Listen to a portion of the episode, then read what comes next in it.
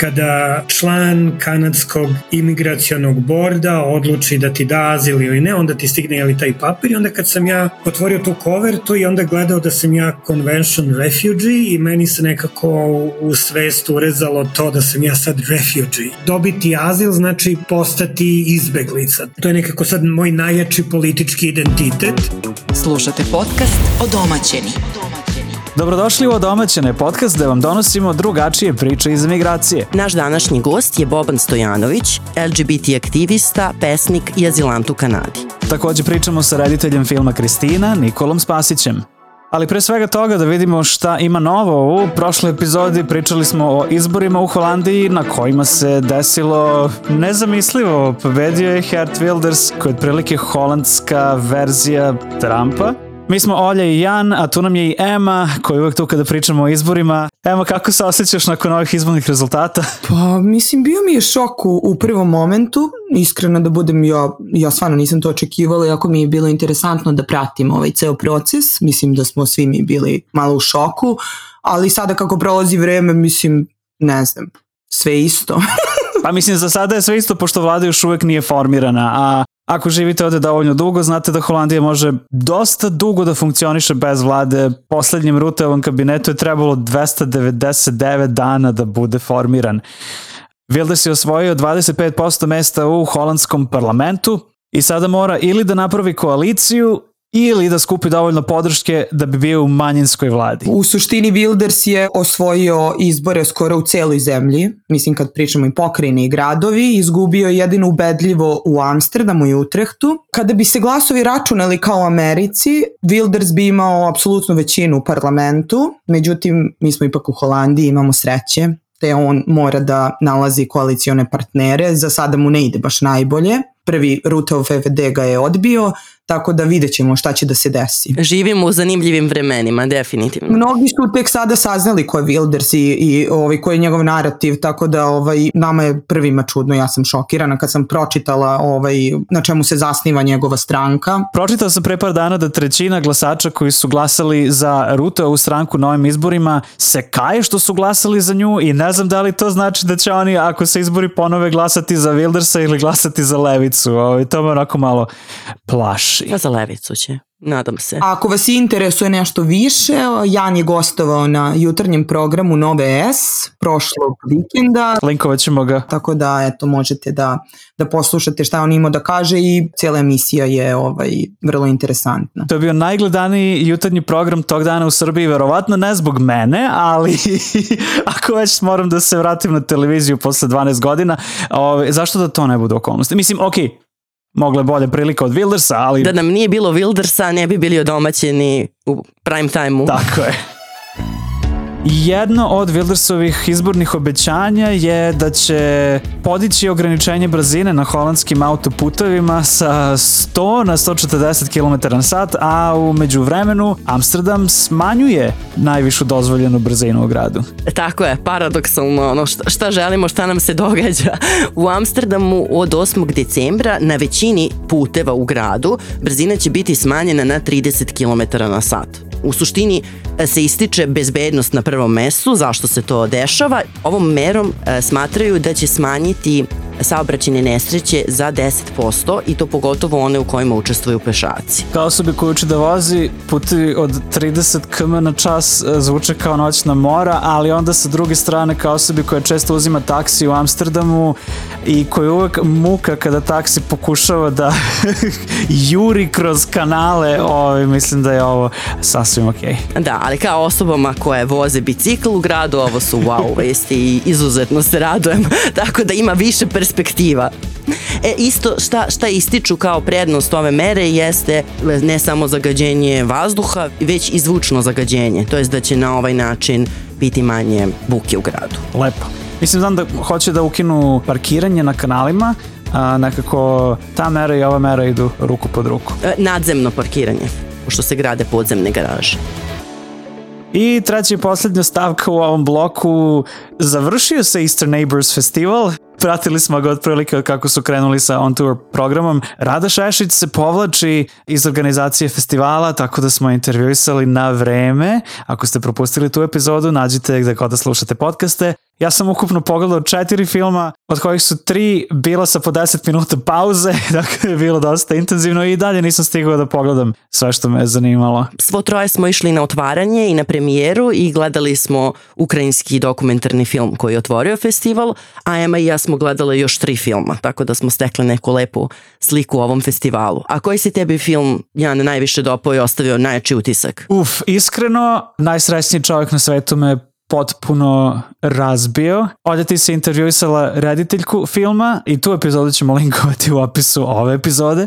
Ali jako mi je zanimljiv bio film Kristina. To je film iz Srbije o trans ženi koja je seksualna radnica, a usto je i religiozna i koja u filmu glumi sebe. Film je kao neki docu-fiction u smislu da postoji casting, ali da scene nisu scripted, recimo. I potpuno mi je fascinantno da jedan takav film je uopšte mogao da izađe iz Srbije. Na projekciji je prisustvovao reditelj filma Nikola Spasić i ja sam mu nakon filma postavio nekoliko pitanja.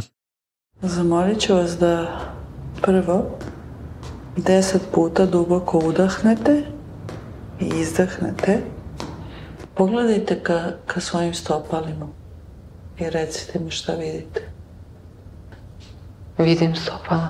Kakva su to stopala?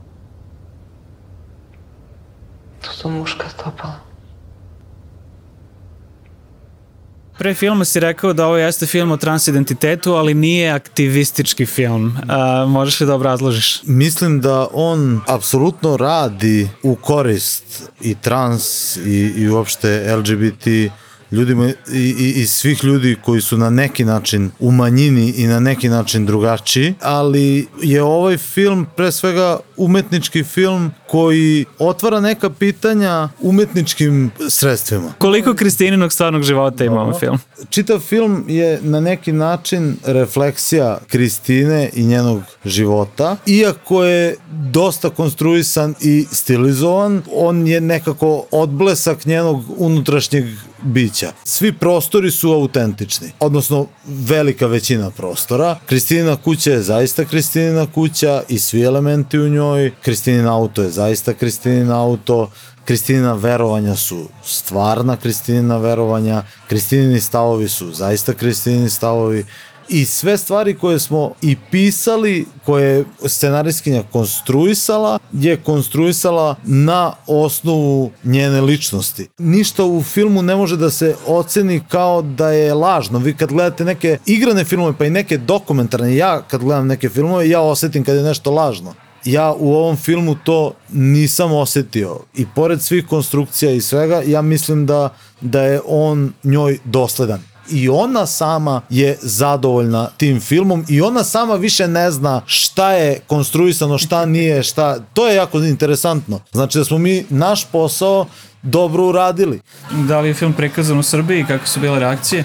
Film je prikazan u Srbiji puno puta na dosta festivala, ljudi su imali predrasude, opet naravno, jako puno ljudi imalo predrasuda, ali što ga više ljudi vidi, film dolazi do još više ljudi. Ide jako sporo, presporo, ali se pomera. Mnogo ljudi je dobronamerno prema filmu i preporučuje ga drugim ljudima i ja mislim da smo napravili nešto što će zaista ostati za istoriju, ali da je samo u ovom trenutku malo ispred vremena. Mislim da, da će vremenom svi ljudi u Srbiji taj film videti, sad mogu da ga vole ili da ga ne vole, niko sad njega ne blokira namerno, samo su ljudi onako, mislim mi smo nekako iz Novog Sada, nismo iz tog nekako centra dešavanja gdje se sve dešava u, u, u Srbiji u Beogradu. Mislim da film postoji, da je film dobar i da će on vremenom da nađe svoju publiku, već je nalazi i već mislim da je prevazišao sve neke prognoze i očekivanja koje su do sad bila postavljena od strane drugih ljudi. Mislim, bile su prognoze da to niti će kome trebati, da je to kao potpuni debak. Ljudi vole taj film. Samo je problem što ljudi, mnogo ljudi ne sme ni da kaže to. Znači, i ljudi kojima se svidi, veliki broj ljudi u Srbiji ne sme to da izgovori, zato što se plaše šta će reći neko drugi. Što opet vraća na, na i samu suštinu toga čime se ovaj, ovaj film bavi. Tako da samo vreme i eto vidjet ćemo šta će se desiti u narednim godinama. Kristina, misliš da može čovjek da bude zaljubljen i spokojan isto vreme? A on mi odgovara, eto videla si me, ali ne moraš da se vraćaš više. O LGBT aktivizmu, ali i mnogim drugim temama uskoro pričamo sa Bobanom Stojanovićem, ali pre toga evo će nam reći koja nas dešavanja očekuju u Holandiji u narednih nedelju dve. April O'Neil je na svojoj poziciji. Nastavljam da vam najavljujem novogodišnje božićne markete. Prvi koji ću najaviti je u Harlemu od 8. do 10. decembra. Zatim božićna pijaca u Deventaru od 16. do 17. decembra sa preko 950 likova iz knjiga Charlesa Dickensa. Festival je pun zabave i uključuje holandske božićne tezge i mnogo lepe i raznovrsne hrane. Festival je otvoren od 11 do 17 časova.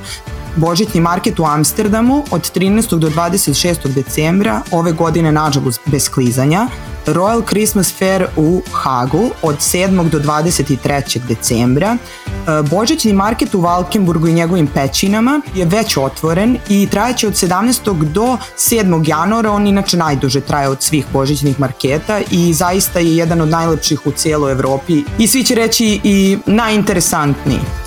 Dobili smo vez da će se u teatru Bali u Amsterdamu 10. decembra u 19 časova održati specijalna projekcija filma U raljama života u čas nedavno preminule Dubravke Ugrešić, na čijoj je knjizi zasnovan scenario. Rajko Grlić, režiser, će uveličati svojim prisusom ovaj događaj a u subotu 16. decembra u Hagu u Diamant teatru od 19.45 projekcija dokumentarnog filma Zenica Pantarej, a zatim vas u nastavku programa očekuju Vajta i prijatelji. Više o ovom događaju na profilima pro, Promaja Eventsa. Ok, baš ima dosta dešavanja u ovom periodu, verovatno zato što je kraj godine, a pored svega toga i vaš event se dešava ovog vikenda, jel? O je! Ok, a šta je vaš event zapravo? Već smo ga pominjali onako uzgred, ovaj, niste ga nešto klejmovale. Naš event je u stvari jedno žensko okupljanje i to je treće po redu žensko okupljanje žena sa Balkana. Njega organizujemo Ema i ja i još jedna naša prijateljica i ovo će biti treća sreća i bit će prvo van Amsterdama, bit će kod tebe Jan u Rotterdamu. Da Jan, čekamo i tebe da nas slikaš, prošli put smo imali savršene slike, tako da ovaj, čekamo i tebe ovaj put, bit će 50 žena plus Jan. Ne znam šta da kažem na ovo, Ema hvala ti. Harem. Sad moramo da se ozbiljimo i idemo na glavni intervju. Odomaćeni. Drugačije priče iz emigracije. Naš današnji gost je Boban Stojanović i sa njime smo razgovarali o zbirci poezije koju je napisao, o tome kako je biti azilant i generalno imigrantskom iskustvu. Boban već sedam godina živi u Kanadi, ali ako ga se sećate iz Srbije, onda ga verovatno znate po njegovoj aktivističkoj karijeri, boravku u kući velikog brata i organizaciji Pride u Beogradu. Šta ga je nateralo da potraži azil u Kanadi, kako izgleda biti zaglavljen u jednom kafkijanskom procesu u Srbiji i kako se sve to odražava na njegov identitet i mentalno zdravlje, saznaćete u narednih sat vremena.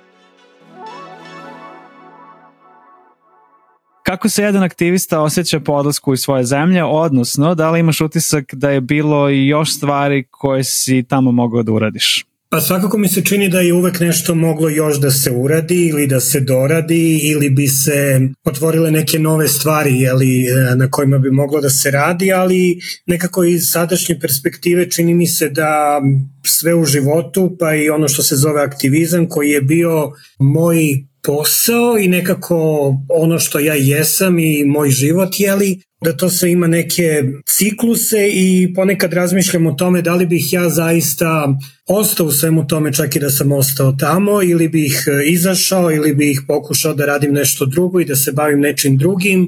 Tako da odgovor na ovo pitanje ne može nekako da bude direktan, on zavisi od mnogo stvari, ali ono što mi se čini važnim je da sam probao, da sam nešto uradio i da sam time što sam uradio verovatno otvorio prostor za neke nove, kako ja sada vidim, mlađe ljude da rade ono što oni smatraju da je aktuelno u ovom trenutku taj proces društvene promene, prihvatanja, tolerancije, demokratizacije, kako god ga nazvali, on je nezaustavljiv, to nije posao koji se radi ono od do i onda je završen. Ono što možemo da uradimo je da maksimalno damo sebe u datom trenutku i eto kao ja kao i neki mnogi drugi ljudi e, pre i verovatno posle mene u nekom trenutku izađemo i prepustimo taj prostor nekim drugim ljudima i nadam se mlađim generacijama kojim svojim aktivističkim rezultatima si najponosniji? Ono po čemu sam ja nekako najprepoznatljiviji jeste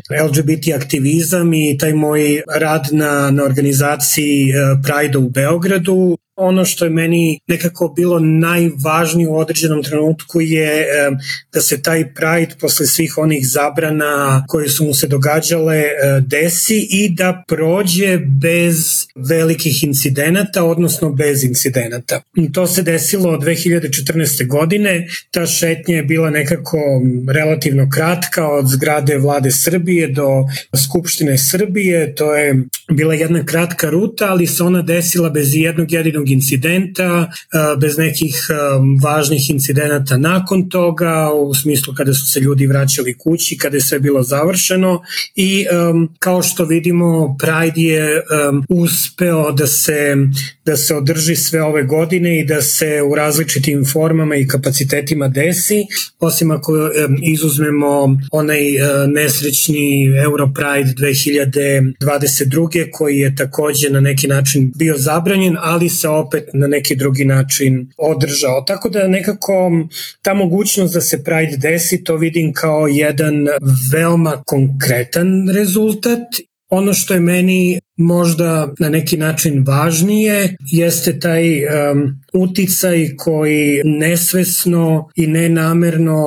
se odražava na živote nekih ljudi, posebno LGBT ljudi koji su živeli i koji još uvek naravno žive u um, manjim gradovima, manjim mestima, koji se veoma uh, često osjećaju kao da su jedni jedini tamo ili imaju možda svega nekoliko prijatelja iz uh, iste grupe ljudi i onda je, ja to tek sada zapravo prepoznajem dok sam uh, živeo u Srbiji, dok sam bio u Beogradu, nekako to sam podrazumevao, ali sada vidim da taj rad i taj angažman i ne znam pojavljivanje u medijima i ta vrsta vidljivosti su zapravo bili podsticaj za, za mnoge ljude da istraju, da budu ono što jesu, da se nekako održe, da se osnaže i da probaju da žive najbolju moguću verziju svojih života. Tako da i dan danas kada dobijem uh, neke poruke upravo od tih ljudi, ja, ja njih zapravo prepoznajem kao jedan mali, tako da kažem, uspeh ali, ali meni svakako, svakako značajan. Kako izgledalo biti LGBT aktivista u Srbiji ranih 2000-ih? Bilo je zanimljivo i dinamično. ja sam u taj svet um, LGBT aktivizma zapravo veoma aktivno ušao tek nakon što sam došao u Beograd 2003. godine, negde u martu i negde u periodu između 2003. dakle nakon mog dolaska i negde 2005. primetio sam da zapravo u tom javnom prostoru ima vrlo malo nekih um, živih priča, ako mogu tako da kažem. Tu pre svega mislim na to da neki širi auditorijum kroz rad i prisustvo tada postojećih LGBT organizacija nije mogao da nas upozna. Nekako uh, svi ti uh, narativi koji su postojali u javnosti bili su usmereni ka tome da se govori o pravima, o demokratizaciji, o ne znam, sudu za ljudska prava u Strasburu i, i ne znam čemu, nekim standardima, ali ja sam primetio da jedan veliki broj ljudi želi da nešto zna o nama kao nama, o nama kao ljudima, kako mi mislimo, zašto nešto i ja sam nekako od uvek um, volao medije i volao sam taj javni prostor i u Zaječaru sam radio u lokalnim medijima. Radio sam šest godina u Radio Zaječaru koji nažalost više ne postoji i radio sam na istoj lokalnoj televiziji i e, nekako sam umeo ili sam ja bar verovao da sam umeo da, da, da takve priče iznesem i onda svaki put kada bi se recimo javljali novinari i um, tražili one priče kako izgleda život u, ne znam, gej para, šta misle tvoji roditelji ili nešto tako. Ja sam nekako išao u, u javnost e, upravo sa takvim pričama i um, mislim da me to u tom trenutku razlikovalo od um, većine postojećih tada postojećih um, aktivista i to je na neki način kreiralo moj javni profil. Tako da bilo je izazovno biti jedan od svega nekoliko, a pod dva bilo je izazovno um, ogoliti sebe u, u nekom javnom prostoru do, do tih granica. Da kažem, bio je to prostor velikog učenja za mene samog, bilo je stresno i naravno bilo je rizično zbog čega sada i vodimo ovaj razgovor. Vidljivost je jako važna, ali me zanima da li te je činjenica da si ti bio LGBT osoba koja je bila vidljiva i kada stavila u neku uh, nezavidnu situaciju. Coming out je često stresan, a praktično ti si se autovao javno. Da li je to imalo ikakav uticaj uh, na tvoje iskustvo kao uh, gej osobe u Srbiji? Naravno da jeste. Meni je vidljivost uh, donela mnogo dobrih stvari, ali mi je donela i, i nosila je sa sobom, ja mislim da još uvek nosi gde god, gde god da živimo, nosi izvesnu dozu rizika, naravno u Srbiji u, u tom trenutku u kome ja pričam, to je neki period 2003-2016. kada sam ja aktivno bio uključen u LGBT aktivizam, to je nosilo puno, puno rizika ti rizici su se nekako održavali na moj privatni život i na moju bezbednost u, u svakom smislu. Kada kažem privatni život, mislim pre svega na moj odnos sa, sa roditeljima, sa porodicom, nekom širom i užom, sa mnogim ljudima koje sam ja nekako podrazumevao da su bliski, da će uvek eh, stati uz mene i da će me uvek podržavati šta god da ja radim, jer jeli ja sam ja i to što ja radim nije ništa loše i protivzakonito međutim nije bilo tako. Moje inače ne tako jake veze sa roditeljima. Postojale su um, još slabije, um, kao i sa članovima neke uže i šire porodice, nekako sam se osetio isključen prvo iz nekih porodičnih dešavanja, ono kao prestanu da te zovu na rođendane, slave i tako dalje. Ovaj, a onda se nekako taj nivo represije preno na moje roditelje, gde su mnogi njima govorili kao pa dobro, pa eto, pa može onda bude to što jeste, ali ne mora da ide javno, pa zašto sad svi moraju da znaju ko je on, pa eto mene pitaju na poslu, ti si njemu stric, ti si njemu tetka, ti si njemu brat. I onda su se oni osjećali posremljeno, pa sam, ja sam jeli bio uzrok toga, tako da su onda moji roditelji se osetili usamljeno u svemu tome i onda je došlo do jednog um, prekida odnosa između mene i pre svega moje mame, koji je trajao, boga mi, boga mi nekih deseta godina, kada se mi uopšte nismo videli i čuli se vrlo, vrlo, vrlo sporadično, recimo jednom u šest meseci e, i tada smo imali onako one potpuno besmislene razgovore kao kakvo je vreme, juče je pala kiša i duvo je vetar, slomio mi cveće, mislim tako ne nešto potpuno, bez ikakvog um, razumevanja kako je meni, kako je njoj, šta se njoj dešava u životu, šta se meni dešava u životu i tome slično ono što, što je nekako i dospevalo delimičnu javnost jesu one cene koje nosi ta neka javna prepoznatljivost, a to je da sam postao um, laka meta mnogih um, homofoba i nasilnika.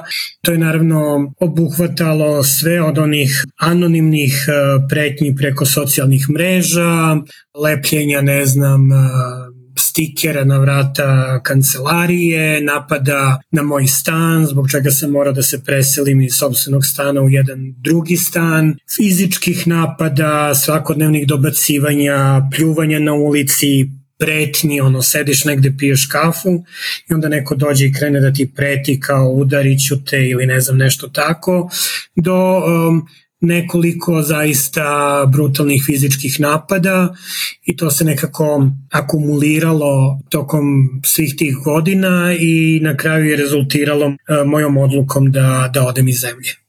Sam si naveo kao jedan od svojih uspeha organizaciju prve bezbedne parade ponosa u Beogradu, a onda si dve godine kasnije ti morao da napustiš Beograd zato što je tvoja bezbednost bila ugrožena. Da li je ovo paradoks ili je bila neka nužna cena koja je morala da se plati? Ja mislim da je to splet čudnih političkih okolnosti, meni se nekako čini da je vlast te 2014. godine dozvolila da se desi Pride, a da je onda taj uspeh došao na naplatu. Ja sam o tome pisao na Peščaniku, jako puno stvari se zapravo tu dešavalo, ja sam probao to da nekako sažmem i da, da izvučem nekoliko najvažnijih stvari, ali ono što se dešavalo te 2014. do 2016. je zapravo bio veliki pritisak koji sam ja doživljavao da se priključim i da počnem da radim za neku od institucija u Srbiji. Ja sam svima onima koji su mi nekako to stavljali do znanja ili delikatno nudili takve pozicije, ja sam im rekao da ja za to nisam zainteresovan, da sam ja ono jedan mali običan čovek i aktivista i da je to meni važno, da, da moja želja nije da ja uđem u bilo koju instituciju, međutim, negde u toku organizacije Prajda 2016. ja sam nekako dobio poziv iz kabineta tadašnje ministarke za evropske integracije Jadranke Joksimović da odem na neki sastanak. Ja sam im rekao kao pa tog dana mi je nekako bio raspored prilično pun. Oni su rekli ne, ne, ne, sad kao dođi. I onda sam ja otišao tamo, kao je li država te zove, pa je vjerojatno nešto važno. Dvojica njenih um, tadašnjih um, asistenata sa kojima sam ja inače bio u redovnoj komunikaciji oko um, mnogih uh, logističkih stvari vezanih za organizaciju Pride, onda su oni mene stavili tako neku sobu, ponudili mi kafu, ta kafa je stigla, onda se tu stvorila neka meni nepoznata žena koja mi je postavila nekoliko pitanja, u smislu šta, šta je moj najviši stepen obrazovanja, koliki mi je već radni staž i tako neka pitanja vrlo čudna, ja sam onako odgovarao, ona je nešto računala na njenom telefonu i onda mi je iznela neku cifru. Ja imam negde zapisano to, ali recimo da je sad rekla ovako 38.250. Ja sam rekao čega? Kaže, pa dinara. I onda mi je pokazala njen telefon, taj kalkulator. Ja kažem, šta je to? Kaže, pa tolika će ti biti plata. Kažem, ali zašta da budem savjetnik ministarke, da budem u njenom kabinetu? Ja sam rekao, pa ne, ali kao mene to zaista ne, ne zanima, mislim, hvala kao na prepoznavanju, ali to nije ono što ja želim da radim. Onda je ona zatvorila to neku njenu fasciklu i, i isključila taj telefon i rekla, e pa dobro, onako vrlo, vrlo nekako to je izgledalo kao na serija Homeland, onako kad ti se pojavi neki lik u seriji na dva i po minuta i on zapravo promeni jeli, čitavu radnju i više nikad ne vidimo tu osobu.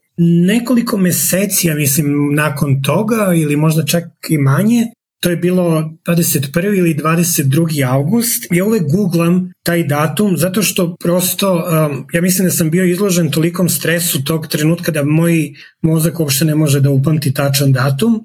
Ja sam se vraćao, išao sam na neke banke tamo i vraćao se u kancelariju i mene su u ulici um, Carice Milice presrela dvojica mladića koji ja nisam znao, onako delovali su prilično fino, uredno, onako obrijani, lepo ošišani momci, nisu onako izgledali nekako nasilno i onda su krenuli prvo da me provociraju verbalno, govoreći ono gde si krenuo, mi znamo ko si ti i tako dalje.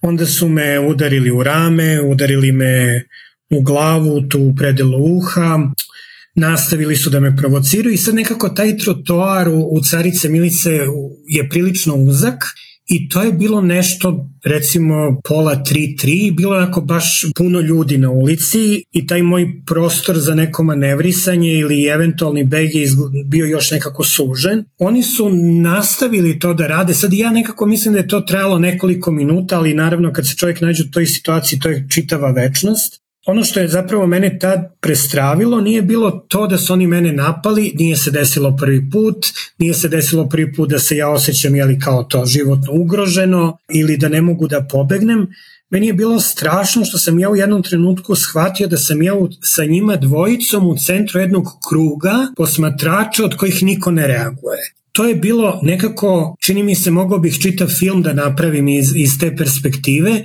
gde niko ne reaguje i sećam se neke starije žene koja imala tako kostim, jedan uh, tamno zeleni, tako je nešto bilo i punđu i neke one cipele onako kao što nose bake s onom širokom petom i mislim ona je izgledala kao neko koji je ono oličenje dobrote ili ne, ne, nešto dobro mora da bude jeli u, u tom liku koji se nalazi u tom kadru, međutim i ona je ćutala i sve to posmatrala To se dešavalo pored jedne male tu lokalne samoposluge i tad je na vratima te samoposluge stajala jedna od tih radnica koja onako naslonjena na vrat, ona onako pušila i, i onda je samo u jednom trenutku tim momcima rekla ej, ej i pokazala im na, na, na kameru koja je bila tu um, na vratima njene radnje koja je zapravo to mogla sve da zabeleži pa im je još skrenula pažnju da oni paze da ne budu eventualno prepoznati.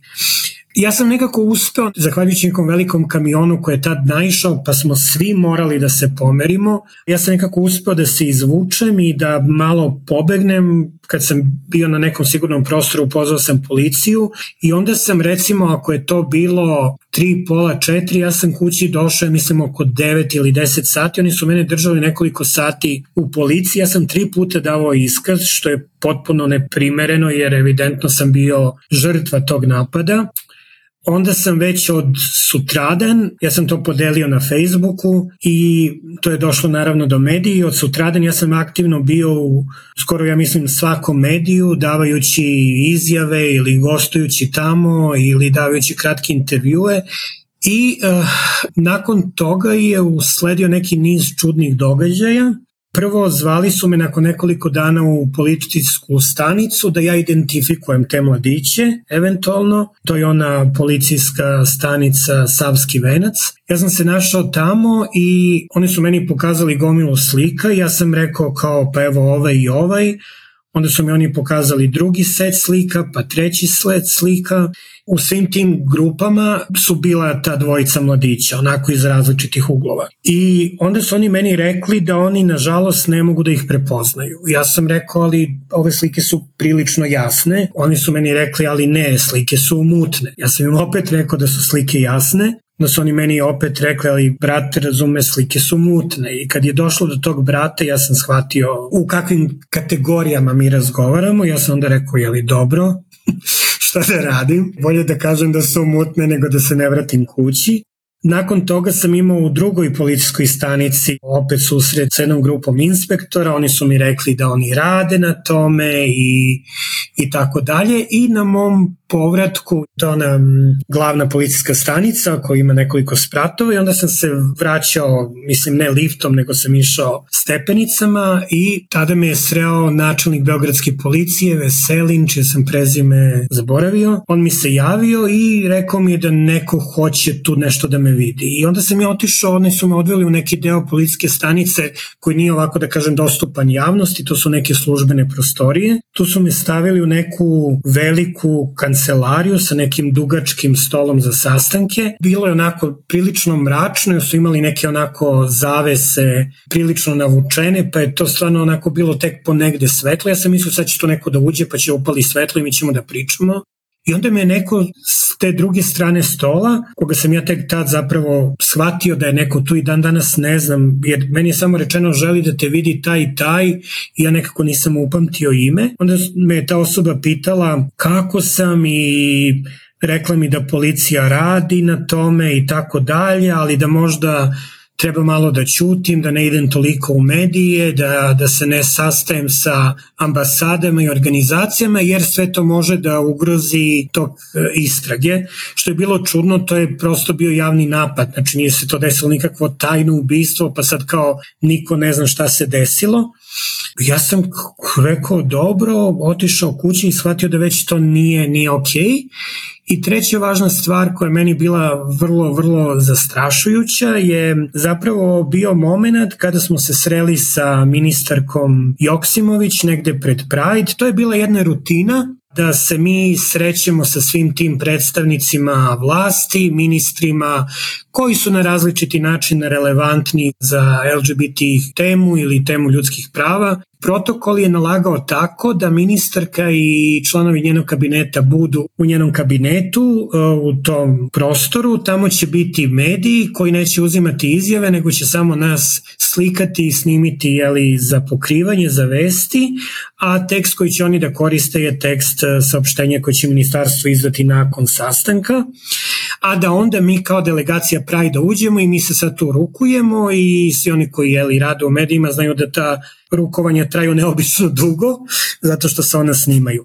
Meni je tokom tog rukovanja ministarka rekla čula sam šta se desilo, ali skrati jezik da ne bi radili tabloidi. I meni je to zaista, to je onako bio ono Homeland ponovo, potpuno jedna nadrealna situacija gde ti onako ne znaš kako da reaguješ i ne znaš šta da radiš i ne znaš ni šta da joj kažeš I onda kad smo završili taj sastanak i došli kući, ja sam rekao mom partneru kao, znaš, desilo se to i to i ja nekako više imam utisak da nemam kontrolu. Jer sam shvatio u tom trenutku da oni imaju moć da plasiraju bilo koju priču, da puste u medije bilo šta i da sam ja gotov. Već sam doživljavao to kad, na primjer, kažu, ne znam, dešavalo se da mi odemo na neki put koji nam potpuno plati organizator. Sad ja ne znam, dođem u Amsterdam na Pride i sad ja se recimo slikam u nekom restoranu u koji me odvede, ne primjer, neki lokalni sponsor. Znači ja ništa tu ne platim ili tako dalje, nego to organizator plati ili organizator nađe nekog sponzora i onda recimo mediji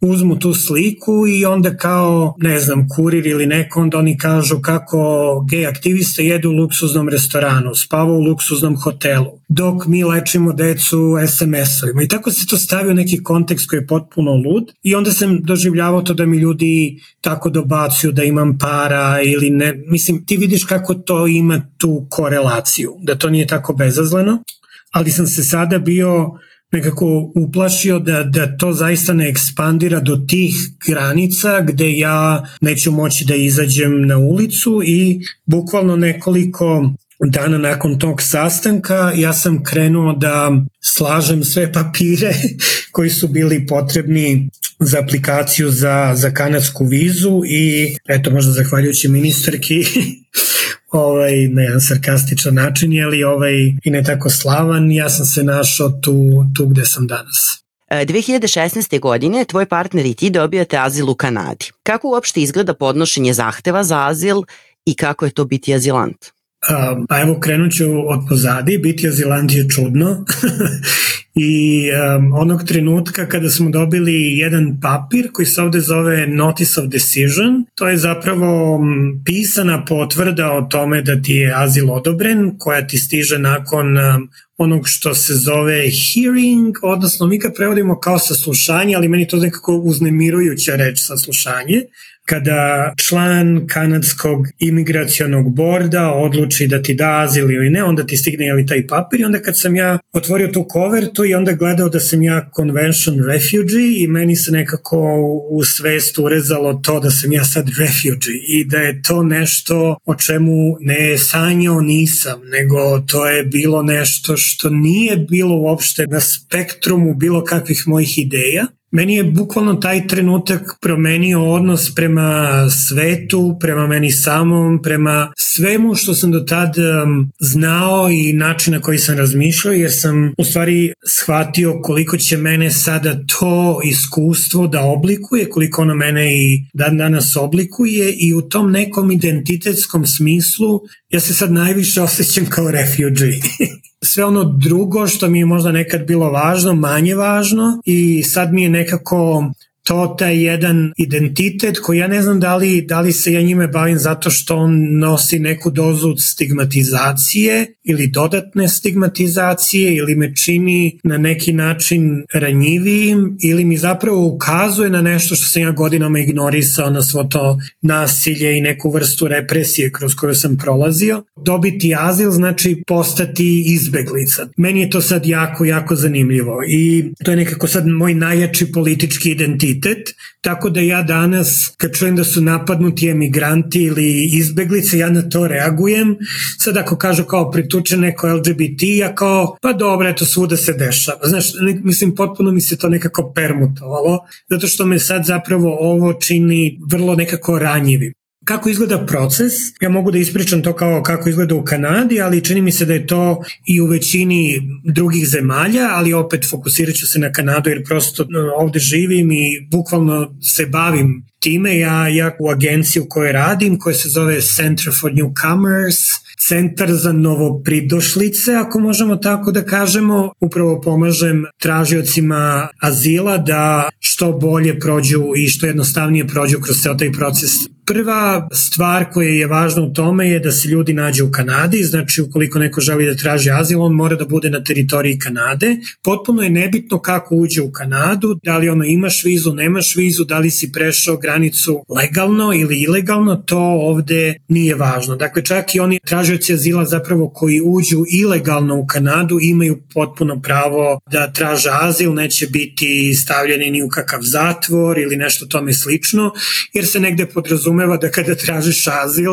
ti zapravo nemaš puno izbora. To nekad podrazumeva i kršenje nekih pravila i propisa. Kanada ima jedan um, granični prelaz između Kanade i Sjedinjenih američkih država gde ti bukvalno ono možeš da dođeš i samo tu pređeš. Ne treba ti ni pasoš, ni viza, ni ništa. Ti uđeš i kažeš hoću da tražim azil Roxham Road, tu možeš i bez nekih dokumenta prosto uđeš u Kanadu i da pristupiš e, kanadskom imigracijnom sistemu i onda će te oni jeli sprovesti dalje. Međutim, veliki broj ljudi ulazi i dolazi ovde legalno. Mi smo recimo aplicirali za vizu, imali smo sve karte, imali smo sve naš ono izvod iz banke, kolika ti je plata, da li tvoj upravni odbor zna da ideš na odmor i tako dalje. Sve smo imali uredno popunjeno i mi smo, dakle, nas dvojica smo ovde zajedno sa našom mačkom ušli u Kanadu na potpuno legalan način i onda smo nekoliko dana nakon našeg dolaska u Kanadu mi smo tražili azil. Ono što je važno za taj proces, pored popunjavanja nekih silnih um, aplikacija u kojima jeli, ono, deliš svoje neke informacije, ime, prezime, šta si završio od škole, na kojim adresama si živeo, da li imaš dvojno državljanstvo i tako dalje. Najvažniji uh, zapravo deo tog procesa je da dokažeš da ti u toj zemlji s koje dolaziš više ne možeš da živiš i taj dokument uh, koji se prilaže zove se Basis of claim, odnosno kako bi ga mi sad tu preveli na naš jezik, osnova za traženje azila. I tu treba svako od nas ko traži azil treba da podelimo našu ličnu priču, da donesemo što više informacije i podataka o opet pravni jezik persecution, o progonu koji smo jeli doživljavali tamo, da opisujemo izvesne događaje, ukoliko je moguće da priložimo neke dokaze koji će podkrepiti sve to, ti dokazi mogu da budu najrazličitije stvari, od fotografija, medijskih izveštaja, pisama recimo prijatelja koji su se tad zatekli i bili prosto svedoci tog nekog recimo fizičkog napada ili nečeg takvog, dakle zavisno od slučaja do slučaja. I na naravno dešava se taj hearing na kome se prosto sretne tražilac azila sa predstavnikom kanadskog imigracionog borda i onda oni razgovaraju. Ja često volim da ohrabrim moje klijente da je to jedan intervju, da to nije nikakvo saslušanje. Tu je često prisutan pravni zastupnik, odnosno advokat i onda nekako ljudi imaju taj odnos ako ja sedim ovde, moj advokat ovde, ko je treća osoba, treća osoba je sudija i doživljavaju to kao suđenje. To nije suđenje suđenje, oni prosto žele da bolje razumeju slučaj i da zapravo vide koliko je sve to što je neko napisao istinito, koliko ću ja korespondirati sa onim što piše, jer naravno uvek postoji mogućnost da neko traži azil, prosto lažni azilanti i vrlo često se dešava u ovim slučajima da oni prosto ni ne znaju šta im se desilo jer im neko drugi to napiše ili ne znaju da, da is, priču detalje vezane za taj događaj i tako dalje. I naravno u tom razgovoru često se sazna mnogo više jer prosto živa reč je jednostavnija od toga kako neko piše, nemamo svi iste kapacitete kada je pisanje u pitanju. Naravno, tu će biti obezbeđen prevod ukoliko je potreban. U ovom kanadskom sistemu postoji ta institucija besplatne pravne pomoći, tako da ukoliko ja ne mogu da platim advokata da me zastupa, mogu da apliciram za besplatnog advokata i tako dalje, tako da prosto ljudi nisu onako ostavljeni potpuno sami. I onda na osnovu tog nekog sveukupnog utiska član tog imigracijonog borda donese odluku da li prihvata zahtev ili ne prihvata zahtev. U Kanadi taj proces može da traje u rasponu između 6 meseci i godinu dana, zato što puno, puno, puno, puno ljudi traži azil. U trenutku kada smo mi došli 2016. to je bilo svega 3 meseca i bila su malo drugačija pravila, tako da smo mi aplicirali zvanično u januaru i onda, recimo to je bio 17. januar, sećam se, 2017. i mi smo 20. marta iste godine imali zakazan taj hearing i na kome naš e, slučaj bio prihvaćen i mi smo tada zvanično dobili azil. Ono što je meni bilo zanimljivo, meni se uvek činilo u tom procesu da to može nešto više, da mi možemo te neke dokaze još da donesemo. Ja sada vidim vidim da e, neki prosek je recimo da imaš slučaj koji ima nekih 40 stranica i to se smatra ovako vrlo pristojnim slučajem, znači imaš te neke aplikacije i plus je li taj svoj narativ i verovatno imaš neki dokaz da priložiš, kad se sve to stavi na papir, to recimo bude nekih 40-50 stranica, mi smo imali oko 1000 strana tih dokaza i imali smo neku sreću da već uh, prilikom dolaska ovde upoznamo neke fine kanadjane koji su napravili uh, mali kao fundraising za nas dvojicu i uh, među svojim prijateljima, tako da smo mi imali privatnog advokata i mi smo sa tom advokaticom našom, mi smo stalno izbacivali nešto. Ne bila pa ne možemo sve da stavimo i znam da je taj, to imamo onako u papiru kao dokaz, taj član imigracijonog borda je napisao da u njegovoj dugogodišnjoj karijeri nije video tako dobro obrazložen i argumentovan slučaj. Dakle, mogli smo da prođemo potpuno bez tog saslušanja. Ukoliko se azil dobije, onda se stiče pravo stalnog boravka i nakon toga državljanstva. Ukoliko se dobije negativan odgovor, postoji nekoliko instanci žalbi i nakon što se sve one iskoriste, ukoliko opet bude negativan odgovor, može da se zahteva ostanak na takozvanoj humanitarnoj osnovi. Nekih 60 posto svih zahteva za azil bude prihvaćeno već u prvom krugu, pa onda nekih 20% u drugom krugu i veoma mali broj ljudi odavde bude deportovan, odnosno dođe do tog stepena da treba da zahteva taj humanitarni ostanak u Kanadi. A zašto baš Kanada? Ali vam je ona bila prva opcija ili ste razmatrali i neku drugu zemlju? Nama je bila opcija da odemo što dalje.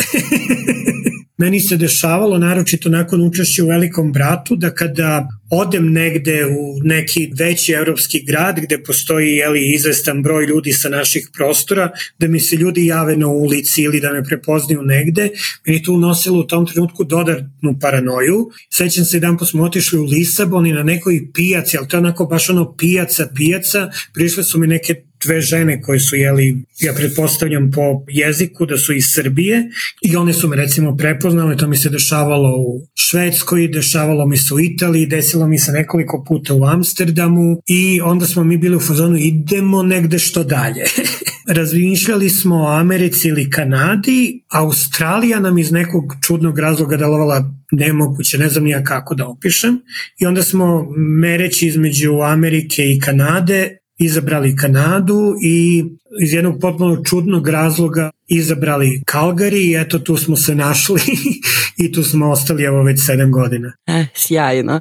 Pa ne, baš kad si pomenuo Calgary, znači meni je uvek prva asocijacija na Calgary i kad sam prvi put i čula za njega jeste da je u njemu živeo David Al-Bahari i sad čisto bih te pitala da li uopšte znaš kakav je bio njegov doživljaj i Kanade i Calgaryja i kakav je tvoj i da li tu postoje neke sličnosti i razlike. Fun fact za celo ovu priču je da smo Adam i ja zajedno sa našom mačkom došli, nama je prva stanica od u Calgaryju bio upravo dom Al-Baharijevih. Ja sam upoznao Davidovu ženu i Davidovu čerku preko poznate voditeljke Duce Marković, koja je Davidova i Bojanina, Bojana je Davidova žena, Bojanina kuma i Ja sam sa, zbog prirode jeli, mog posla tamo i prirode Ducinog posla, mi smo se nekako upoznali i tako družili, radili smo na više projekata čak zajedno.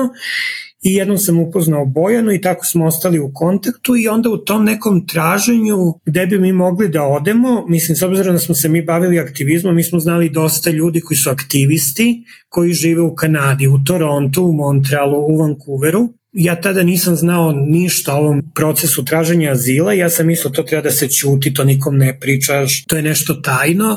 I onda sam ja krenuo tako izokola, kao pa naš možda bi malo došli da vidimo kako je tu i tako dalje. I onda su mi ti naši prijatelji uglavnom odgovarali nema problema, ali znaš kao ja imam jednosoban stan i tako. I onda sam ja bio pa kao, gde ćemo nas dvojica i mačka u nečim već jednosobnom stanu. I onda sam jedan put razgovarao sa Bojanom, ne, nešto smo četovali preko Facebooka i onda mi ona rekla da oni imaju zapravo kuću ovde, da u toj kući imaju sobu koju bi oni mogli da nas prime, onako su kao pet friendly, pa kao može i maca da pođe i tako dalje. To je bila neka noć, Adam je spavao, ja sam bio s Bojanom ovako na tom četu i ja sam onda ukucao na YouTube-u Calgary.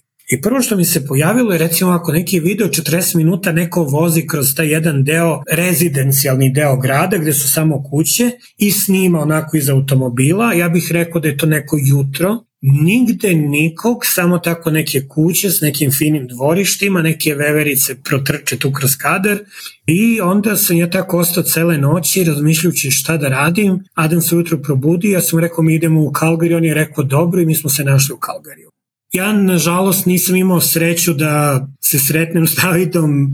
Ja znam da se on nekoliko godina pre svoje smrti vratio u Beograd i znam da, su, da je on ovde izasno vreme radio kao profesor na Kalgarijanskom univerzitetu, koji je kao najglavniji od svih univerziteta koji ovde imamo. I da, negde sam tako hvatao neka njegova razmišljenja o emigraciji, o Kanadi i tako dalje Ovaj, znam da u ovdešnjim bibliotekama ima njegovih knjiga, znam da je bilo nakon Davidove smrti pojavilo se nekoliko članaka u medijima ovde i nekako um, bio je on na izvestan način prepoznat i uvažen kao jeli, jedan uh, važan evropski pisac, tako da nažalost na, na nismo, nismo imali priliku da, da, da, da razgovaramo o tome, da. Pa kakva je generalno dinamika života u Kanadi i kakva je tvoja svakodnevica? Če pomenuo si da može da bude i pomalo dosadno i sad koliko je u stvari taj osjećaj tu zbog možda visokog standarda i odsustva tih egzistencijalnih problema na koje smo mi nekako navikli na Balkanu i koji se podrazumevaju? Ja imam taj neki topli, hladni odnos sa, sa zemljom u kojoj sada živim, tako da sam ja napravio neku svoju sobstvenu strategiju, to je kako se osjećam na kraju dana i ja sam na kraju dana uglavnom ok. Jedina da kažem mana koju ja nalazim ovom društvu ovde je da je meni ovo društvo u pojedinim trenucima beskrajno dosadno. Ovde je neko nepisano pravilo da kada se sretne sa nekom posebno većim grupom ljudi, ne pričaš ništa o politici, ne pričaš ništa o religiji. Generalno ovde je kultura da ti sad ne pričaš o poslu na način koji je previše intiman, da ljudi ne iznose svoje plate, da ne iznose svoje probleme, da ne imenuju kolege koji ih, na primjer, nerviraju i tako dalje, što je sve, jeli, tipično za naše prostore. I onda ja, kad se tako nekako nađem u, u nekom društvu, jeli, nekih ljudi koji su možda više moji poznanici nego što su mi prijatelji, ja onda ne znam kako se to priča o nekim malim nebitnim stvarima, kao gde će za vikend, pa planirali smo hiking, o, ja baš volim hiking. Meni to izgleda kao da smo nešto izrekli, masu nekih rečenica da ništa nismo rekli, ili da ja ništa nisam saznao o tebi ili ti o meni, onda ovo društvo nije prošlo kroz neku ozbiljniju krizu decenijama. I onda ono što je problem Kanadžanima, ja to uopšte ne vidim kao problem i onda ne znam kako da participiram, jeli, kako da budem empatičan prijatelj za neke probleme kao, na primer, tokom COVID-a ljudi su bili jako zabrinuti jer u radnjama nije bilo dovoljno igračaka koje žele da kupe i nisu mogli da se naruče online i onda kao kako ćemo ili znaš oni tako kad pričaju kao neka stolica nije dovoljno udobna pa zašto nije, ne, baš neki naši prijatelji su skoro kupovali fotelju, to je trajalo dva meseca i to su bile čitave filozofije oko te fotelje, mislim što je kao ok, ali meni je opet bilo kao kako se dostiže taj stepen u životu da tebi ta fotelja toliko zaokuplja misli, da imaš toliko detaljan plan kako baš želiš da sediš u toj, mislim nekako evo i posle 7 godina to mi je, to mi je problem. Mogu da ti kažem da evo ja sam imao te momente kad sam otišao iz Srbije, znaš odjednom ti razgovori sa ja ne mogu da platim infostan, a ovaj mesec odu u evo već dva meseca hoću da kupim novi klavir i ne mogu da nađem klavir koji mi odgovara. A sad, iskreno, u stanju sam da pričam o fotelji nedeljom. Da, to je verovatno stvar, stvar vremena i ja, ja nekad razmišljam kao ako bih se sada onako hipotetički vratio u, u Srbiju, da li bih ja sad mogao tamo da se uklopim. Zanimljiva stvar mi je bila, pre nekih mesec dana našli smo se u društvu sedam žena iz, sa prostora bivše Jugoslavije. Mi smo bili u stanu kod naše prijateljice, bili smo prvi gosti i onda smo jeli dočekivali svih tih sedam žena, od kojih je svaka donela po nešto i svaka nas je upoznala sa tim svojim jeli, pripremljenim čime god, rečima spremala sam to i to nije mi ispalo najbolje. I recimo kad se peti put to desilo nije mi ispalo najbolje, ja sam shvatio da je to jeli ta kulturna razlika, dok ovde kad e, se organizuje, oni to zove ovde potluck. Obično ljudi nekako to donesu, ne kažu ništa, onda se mi drugi oduševimo, čak i ako nam se ne sviđa, zato što ovde postoji ta jedna kultura kao prepoznavanje nečijeg tuđeg, truda, kao ipak si se potrudio, pa makar kupio neki ono najgori čips, ja ću reći ovo je moj omiljeni, mm, baš volim čips. Ja i dalje mislim da izgledam kao idiot, znaš, o tim trenucima, jer nekako, brate, nije dobro, nije ti dovoljno skuvano, meso ti je žilavo. Znaš, kod nas nekako ono, babe onda kažu, ja bi to još malo kuvala, lepo ti, ali ja bi još, još ovde nekako sve kao, mm, ja mi, ja na to još uvek ne mogu da se naviknem jer to osjećam kao nedovoljno iskreno i to je jedna od najčešćih stvari koje nađeš tako kad recimo googlaš ili si na YouTube-u da će ljudi iz drugih kultura reći da su kanadjani neiskreni ili kao lažno ljubazni. Još jedna stvar tu koja meni, da kažem, čudna je ta neka kultura bezbolnog, kao ako idemo u bioskop idemo da gledamo zabavne filmove, ako idemo u pozorište idemo muzikle da gledamo i sve mora da bude nekako fan, ništa ne treba da boli i onda kao nekako razmišljam pa kako je moguće da ne znam jedna Srbija koja je tako nekako mala i siromašna u odnosu u Kanadu ima ovo pozorište pa ono pa, pa ono staviš neku predstavu nakon koje kad izađeš ti se osjećaš ono isečen, znaš ono razbije ti mozak, oni sve nekako vole neki muzikal, nešto tako lagano, ili kao tako neko opšte mesto kao Čehov, tri sestre i to je kao to, ali ništa, ništa što bi možda konfrontiralo publiku, što bi možda otvorilo neku debatu, što bi možda bilo neugodno.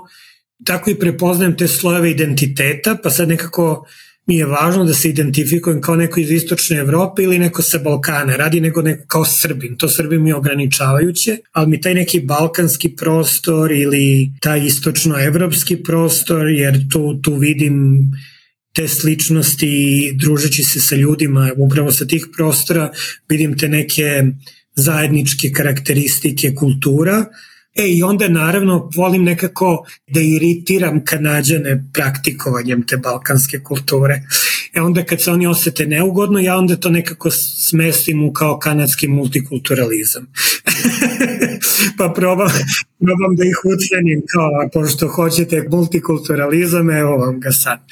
Ali u svakom slučaju, eto tako nekako pokušavam da napravim nešto da, da, da bude zanimljivo, jer u suprotnom mi se čini jako dosadno i kao što si sama rekla, kad nema tih egzistencijalnih eh, problema, onda prosto ne znaš šta da radiš. Ako si navikao da budeš u Grču, ovaj, sad kad nisi u Grču, to delo jako monotono. To delo jako napeto i ono što je zanimljivo, ja sam pre nekih recimo dva meseca, možda malo više, dva i po meseca sada, bukvalno došao u neko stanje kada mi ono mozak nije radio i kada mi je bilo jako teško čak i da se krećem i da radim neke osnovne stvari, to je ličilo na neku vrstu depresije i onda sam ja shvatio da ja sad moram nešto da uradim i da potražim malo neku pomoć jer je već počelo da bude fizički bolno.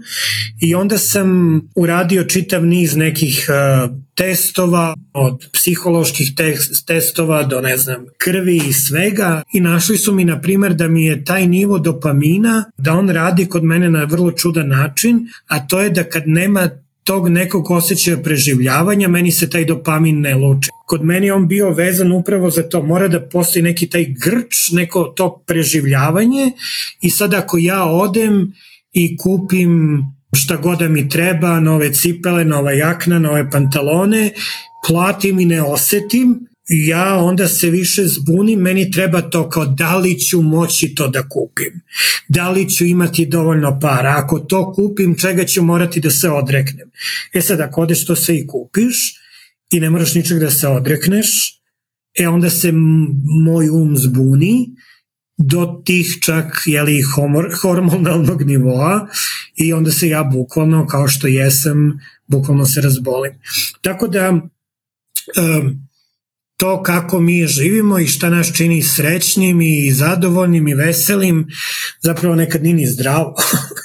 kad smo kod ove priče o umetnosti i tome da li je samo fan umetnosti ili ide u neku dubinu, ti si nedavno objavio zbirku poezije koja ide u dubinu i koja udara ono definitivno u pleksus i zove se ovo je mogla da bude naša dnevna soba. Da li bi se ta zbirka desila da si ostao u Srbiji? I kako je došlo uopšte do toga da objaviš zbirku poezije? Ne verujem da bi se desila da sam ostao u Srbiji.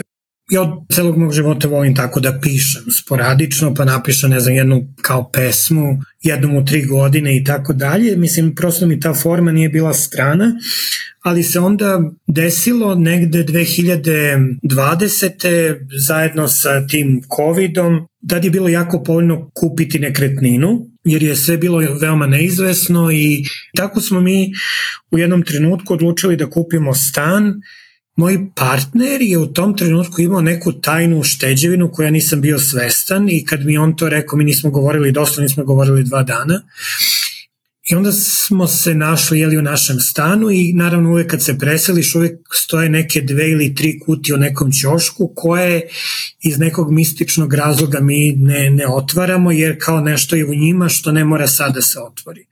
Ja sam tako jednog dana sedeo i ne znam nekako mi je pogled pao na te kutije i tad me uhvatila neka anksioznost jer sam shvatio da sam ja u novoj zemlji u kojoj sada imam svoj stan u kojoj imam više od ne znam ono dva para obuće za svaku sezonu u kojoj mogu da probam raznu hranu, nekad skuplju, nekad onako pristojna neka razumna cena, imam stabilan posao i za nekoliko godina sam napredovao u tom poslu i onda sam se ja u tom trenutku nekako potpuno izgubio i to je opet jedan refleks koji taj jedan preživljavački modus nosi sa sobom i ja sam tad shvatio da moram, da, da ja ne mogu da izađem iz toga sam i da mi treba pomoć i tad sam prvi put u životu, tad, jeli, skoro 42 3 godine života prvi put sam se obratio za pomoć nekome koji je stručan i moja terapeutkinja, nakon što smo se prvi put sreli, ona je meni rekla, jako tebe ne prepoznajem ništa drugo nego traume, traume, traume, traume, traume.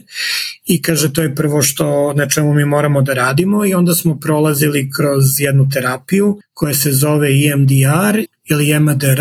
To je zapravo jedna vrsta terapije kada se mapiraju neke važne traume u životu i onda se radi na njima tako što se one završe na način na koji mi želimo da ih završimo. I meni je to delovalo onako ko, ovo zvuči kao kreativna neka terapija, što se i pokazalo, to je meni jako puno pomoglo, Ali, zašto se ovo pričam, ja sam tokom tog procesa rada sa terapeutkinjom zapravo otkrio da tako neka moja raspoloženja budu podstaknuta nekim slikama. Bukvalno nešto vidim, ne znam, vidim neki kaput, vidim neko jelo, vidim nešto, vidim i onda moj um krene tako da radi i onda se osjećam uznemireno, ali mislim teško je nekad povezati šta je zapravo razlog takvog osjećanja E, i onda sam ja počeo da pišem pesme koje su bazirane na takvim slikama negde u mojoj glavi. I svaki put kad bi neka od tih slika došla do mene, kad bih video nešto što bi me podsjetilo na nešto, onda bih prepoznao tu emociju u sebi, da li je to tuga, da li je to uznemirenost, da li je to bes i onda bih napisao pesmu o tome. Moje pesme su prilično mračne, i sirove, ne trudim se da one budu u stihu ili da budu lepe ili da budu dopadljive. I tako je prva pesma iz celog tog, da kažem, nekog ciklusa bila posvećena mom ocu koji je izvršio sam ubistvo bacivši se pod voz nakon što je mama umrla, znači 40 dana nakon što je mama umrla izgubio sam i oca. I ja sam napisao tu pesmu mom ocu nakon četiri godine. I ja sam to stavio, to je kod nas ovde bilo neko recimo 11 uveče i otišao da spavam, stavio na Facebook onako koji druge stvari, probudio sam se i to je ujutru imalo nešto hiljadu lajkova, ne znam koliko šerova, ne znam ko je sve to bio podelio i meni je to bilo kao wow, znaš ovo nije bilo nešto što sam očekivao. Onda se nakon nekoliko dana desila druga, pa treća pesma i tako dalje i zapravo prosto neki portal se otvorio i te pesme su izlazile iz mene i to je bukvalno pisanje u roku od možda pola sata onda je malo to ostavim pa prođem kao da gramatički to ima smisla, eto toliko, ali su one prilično, kada ih čitate danas, to je prilično ono što je prva ruka, jeli? I nekako su nailazile na dobar odjek i to kad kažem dobar odjek je značilo i da su mi ljudi pisali privatne poruke, delili neke svoje priče, zahvaljivali na nekoj katarzi koju su doživeli. Onda se kroz neko vreme meni javila moja prijateljica,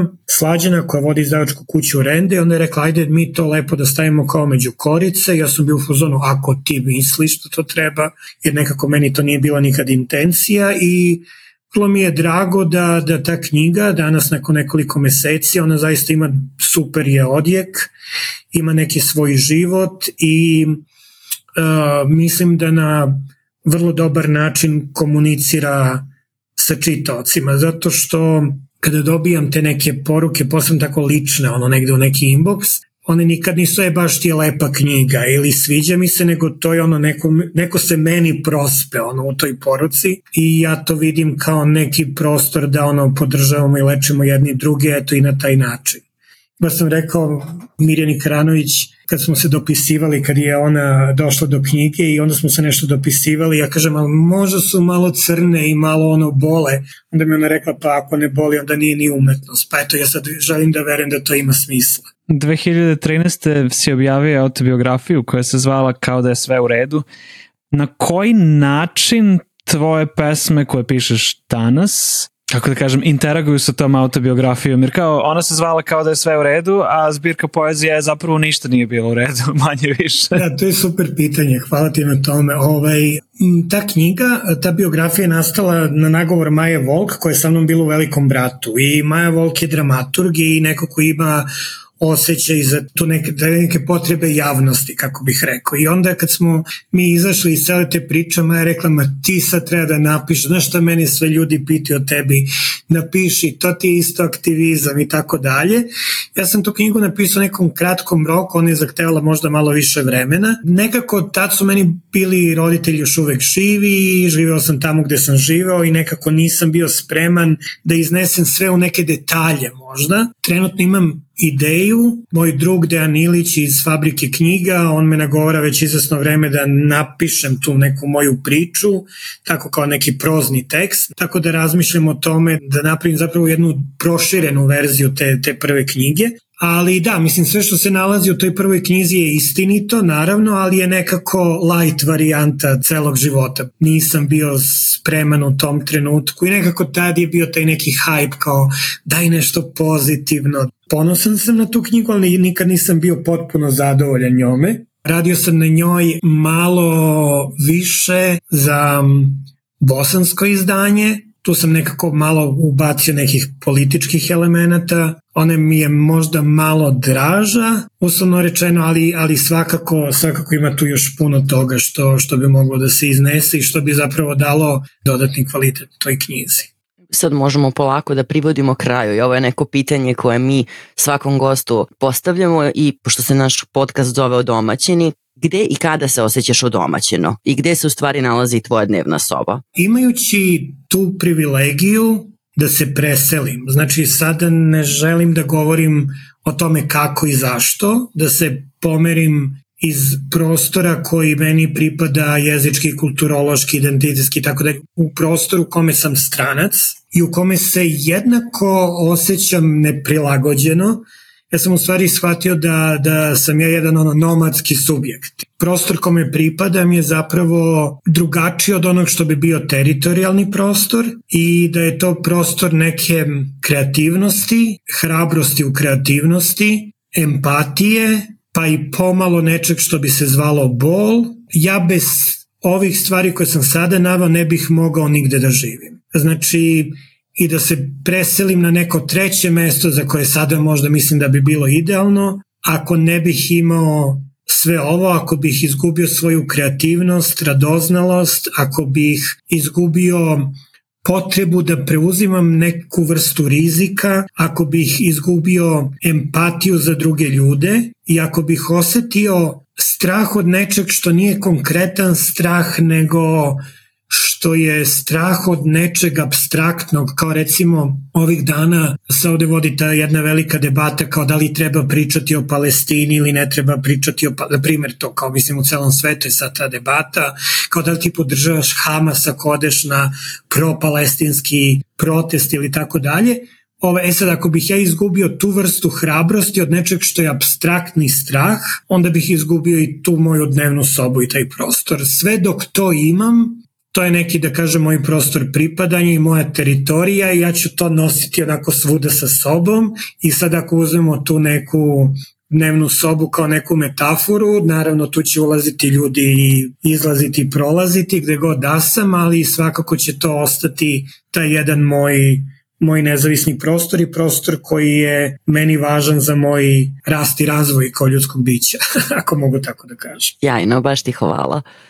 I sad za kraj, ako bi mogao i želeo da nam pročitaš jednu pesmu, bilo bi divno po tvom izboru iz zbirke, ako ti je to okej. Okay. Ok, ajde da probamo.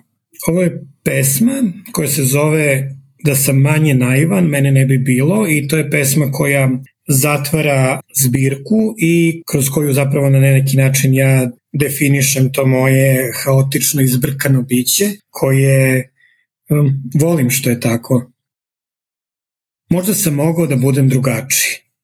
Da sam učio više, stekao četiri diplome, naučio sedam jezika, rodio devet Jugovića, da sam se bavio prevođenjem savremenih filozofa, da moje ime stoji na učbeniku iz fizike. Možda sam mogao da kažem drugoj deci da se ne igraju mojim Lego kockama i igračkama iz čokoladnih jaja, Možda sam mogao da se naljutim na onog jednog druga što je slomio vrat labudo od tankog stakla iznutra umivenog srebrom. Baba je do smrti govorila kako ne može da prežali tog divnog labudića.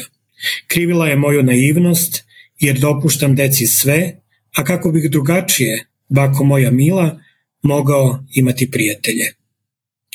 Možda sam mogao da odbijem da pišem sastave drugima, da im slika mrtvu prirodu, šapućem dok odgovaraju iz hemije, jer sam uvek bio slab iz matematike, deca su mi davala pogrešne rezultate, zato sam stalno tokom leta išao na popravni, no ipak imao sam utisak da me deca u školi vole. Možda sam mogao da nosim mali perurez, da izrežem grlo onom jednom što me šutirao u stomak i glavu, da mu pomenem sestru kada me pita gde ću, da budem brz u rafalnoj paljbi, možda sam mogao, ali nisam.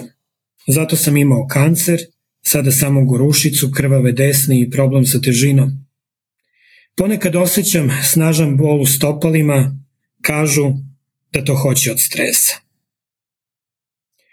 Možda sam mogao da se rodim u nekoj drugoj zemlji, od nekih drugih roditelja, sa nekim drugim licem, da govorim neki drugi jezik, da jedem neku drugu hranu, na primer gušću, paštetu i tartufe, jebene tartufe, namaz od tartufa, nežni zalogajčić od tartufa, tartufe u čokoladi i sve bi bilo drugačije. Ovako imam sebe samog ovakvog, tu sam gde sam i sasvim je okej. Okay. Da sam pomalo naivan, da me ljudi koriste, smatraju glupim, to je njihov problem jer ja vidim sve i daju im prostor da se osete velikim i važnim i nada sve izuzetno pametnim i ima u tom pristupu nekog dubljeg smisla.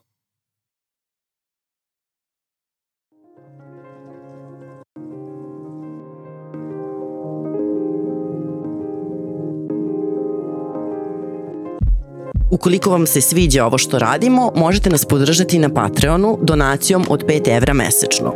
Hvala svima koji nas podržavaju. Možete nas naći na linku patreon.com kroz odomaćeni. Slušate podcast Odomaćeni. Na kraju svake emisije donosimo vam i neke praktične informacije, ovog puta bit ću kratak, kraj je godine, a to znači da ako živite u Holandiji, sada je vreme da Ako želite, promenite svoje zdravstveno osiguranje. Osiguravajuću kompaniju možete promeniti jednom godišnje, morate da otkažete staro osiguranje pre 1. januara i uzmete novo osiguranje pre 1. februara. Onda će vam retroaktivno biti naplaćen i januar. Ako samo želite da promenite osnovni paket zdravstvenog osiguranja i to treba da uradite sad, ali ako samo želite da menjate dodatke, neke kompanije vam omogućavaju da to uradite i u toku godine. Svake godine zdravstveno osiguranje malo poskupi, od januara će vas ono u proseku koštati 12 evra više nego ove godine. Razlozi za ovo su porast plata u zdravstvu, što apsolutno podržavamo, zatim izgradnja novih bolnica, pošto ih Holandija nema dovoljno, i na posledku činjenica da Holandija ima sve više hroničnih bolesnika i sve više starijih osoba. Ako primate zdravstveni dodatak i on će sledeće godine biti nešto niži, ali to je zato što je ove godine bio nešto viši, pa ga sad samo vraćaju na normalu. Ako vas zanima kako funkcioniše zdravstveno osiguranje u Holandiji, o tome smo pričali na kraju naše prve epizode. Ostavit ću vam link u opisu ove. Je bilo sve u ovom izdanju od domaćenih. Možete nas zapratiti gde god da slušate podcaste ili ako nas slušate na YouTube-u, subscribeujte se na naš kanal. Hvala! Odomaćeni su Jan, Ema i Olja. Čujemo se, do sledeće epizode uživajte u prazničnoj atmosferi.